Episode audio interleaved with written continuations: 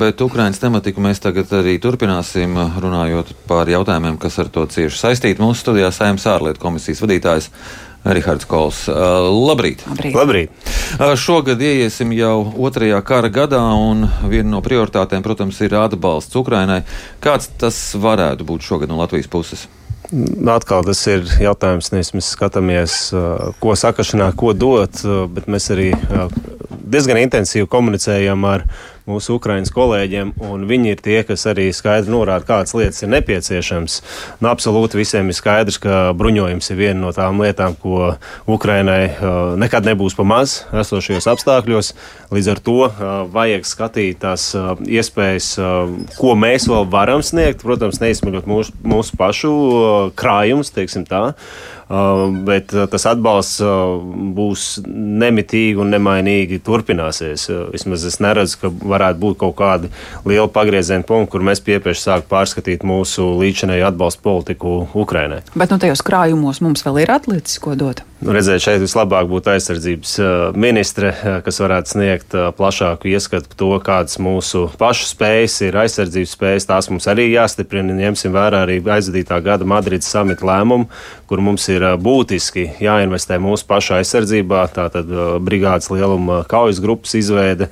Tajā pat laikā mums ir jādomā par pretgaisa aizsardzības sistēmām. Mēs redzam, sadarbība ar Baltijas valstīm ir akurāti nepieciešama šajos apstākļos, jo tomēr šādas sistēmas ir ļoti dārgas un tīri uz vi vieniem pašiem saviem pleciem panes šādu, lai reģionu varētu droši nosegt tā, kā mēs redzam, ka, kas ir Ukrainai nepieciešams. Tad tās ir nu, būtiskas sadarbības gan ar Igauniju, gan ar Lietuvu. Līdz ar to es paredzu, ka šajā gadā nu, varētu būt tāda nu, jauna dinamika Baltijas valstu sadarbības starpā, tieši aizsardzības drošības jomā, vairāk kopīgu projektu īstenošana un, un sadarbība.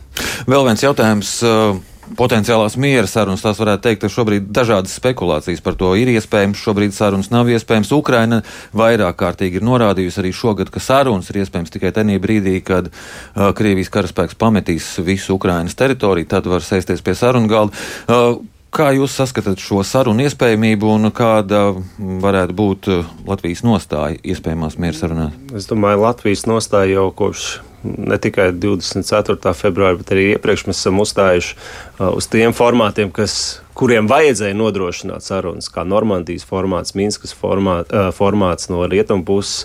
Nu, mums nav tāda morāla pamata tagad teikt, es domāju, no rietumu puses Ukrainai, ka sēžaties pie galda, mēs palīdzēsim mediēt, mediēt sarunas ar, ar Krieviju. Tāpat laikā zinot, ka mēs nenodrošinājām šo te drošību ar visiem šiem formātiem, kas bija līdz šim - Normandijas un Minskas formāts. Līdz ar to šajā situācijā atbild pavisam vienkārši. Sarunas ir iespējams tikai tad, kad Ukraina to uzskata par iespējamu. Līdz ar to, kamēr Ukraina šādu gatavību nav paudusi, citiem spekulēt un mēģināt piespiest Ukrainu vienā vai citā veidā sēsties pie sarunu galda, nav ne tikai korekti, tas ir amorāli. Un Jā. tajā pat laikā vienkārši jādara pretējais. Ir jāuzklausa pilnīgi viss, ko Ukraina lūdz, un jāsniedz tās. Un mēs redzam, ka no rietumu puses arī šajā ziņā tomēr nav simtprocentu izpildi. Bet šajā situācijā kādas ir mūsu valsts attiecības ar Krieviju? Par cik lielu draudu mēs to uzskatām?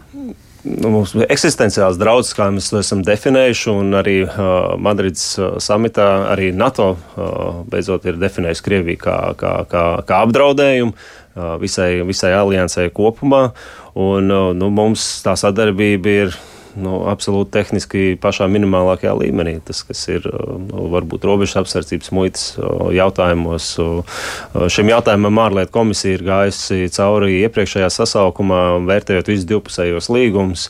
Ir atsevišķi, varbūt arī viedokļi par vienu citu vēl jautājumu, ko vajadzētu apturēt. Es personīgi uzskatu, ka mums šajos apstākļos, kad Latvijas valsts Krievija definējas kā terorismu atbalstošu valsti, kā agresoru, kā genocīdu īstenotāju, mērķiecīgi īstenotāju pret Ukraiņu tautu, ka mēs tajā pat laikā sniedzam starptautisku tiesisko palīdzību, man liekas, īsti korekti nav. Es saprotu, ka tur ir ļoti sensitīvas nianses, un, um, bet arī šāda līguma neesamība nenozīmē, ka citos no starptautiskajām tiesībām izrietošajos pienākumos Krievijai būtu jāsniedz šā vai tā šāda tiesiskā palīdzība. Bet šāda līguma spēkā esamība, man liekas, neko tādu labu nu, neliecina. Bet tas ir mans personīgais viedoklis. Tie nebūtu, nav tā, ka pārējie kolēģi piekrīt tādam redzējumam. Mm. Tāpat arī periodiski uzvirmotas jautājums, kā tad ir vispār ar diplomātiskajām attiecībām, vai tās aizvien ar Krieviju ir jāuztur, un kā šobrīd tur jūtas mūsu diplomāti, vai arī viņi nav apdraudēti? Diplomātiskās attiecības nenozīmē, ka tas uzreiz uh, nozīmē iet ar puķēm un uh, katru vakaru iedzert tēju. Uh, Dievs pasēr Krievijā dzert tēju vēl ar, ar, ar režīmu. Bet, ne, bet kopumā diplomātiskās attiecības pārsvarā nozīmē to, ka uh, tavai valstī uh, ir iespēja uh, pārstāvēt uh, iedzīvotāju intereses un tiesības aizstāvēt citā valstī. Uh, tie konsulārie pakalpojumi un tādas lietas, kas attiecās uz, uz citiem jautājumiem, kultūras, ekonomikas, sadarbības veicināšanu. Mēs redzam, šajos apstākļos absolūti nekādi pat uh, manevru iespējas nav. Un arī es to publiski esmu paucis, īsti neredzu nepieciešamību mūsu vēstniekam atrasties uh, Maskavā. Jā, konsulārie pakalpojumi mums, es saprotu, viens konsulāts jau ir slēgts, ja nemaldos, vai divi. Uh, līdz ar to um, brīdinājumi no Latvijas valdības puses nedoties Latvijas uh, iedzīvotājiem uz Krieviju ir vairāk kārtēji izskanējuši. Bet, protams, ir tādi, kas ignorē jebkādu šādus brīdinājumus un, un dodas. Un tas, protams, uzliek par pienākumu uh, Latvijas valstī, ja šie cilvēki iekuļās kādās nepatikšanās vai vēl kaut kur sniegt. Tas, tas ir pienākums sniegt palīdzību uh, un, un atbalstīt. Ar Baltkrieviju mums attiecības tikpat zemās tehniskās, zemā tehniskā līmenī, vēl zemākā. Nu, mums vēstnieks jau labu laiku ir atsaukts un nav sūtīts atpakaļ uz, uz Mīnsku. Tātad uh, nosēdz Mīnsku no Rīgas. Bet arī tur konsulārie pakalpojumi ir. Mēs redzam, diemžēl, šie gadījumi, kur nu, ar Baltkrievijas režīmu Lukašenko priekšgalātās propagandas ietvaros ir arī Latvijas pilsoņi, kas devušies nu, nu, savā ziņā pārvākšies uz dzīvi, uz, uz, uz Baltkrieviju un uh, turpina, kā saka, atskaņot Baltkrievijas propagandu, Lietuva eļu ugunī. Un, nu, tur tā sadarbība mums absolūti, nu, mēs redzam, kas, kas atkal ir uzliesmojis uz uh, austrumu robežas. Trīs dienās 141 mēģinājums šķērsot robežu. Nu, tie, tie visi ir atkal hibrīdi instrumenti, ko Baltkrievijas režīms īsteno pret neatkarīgu valsti.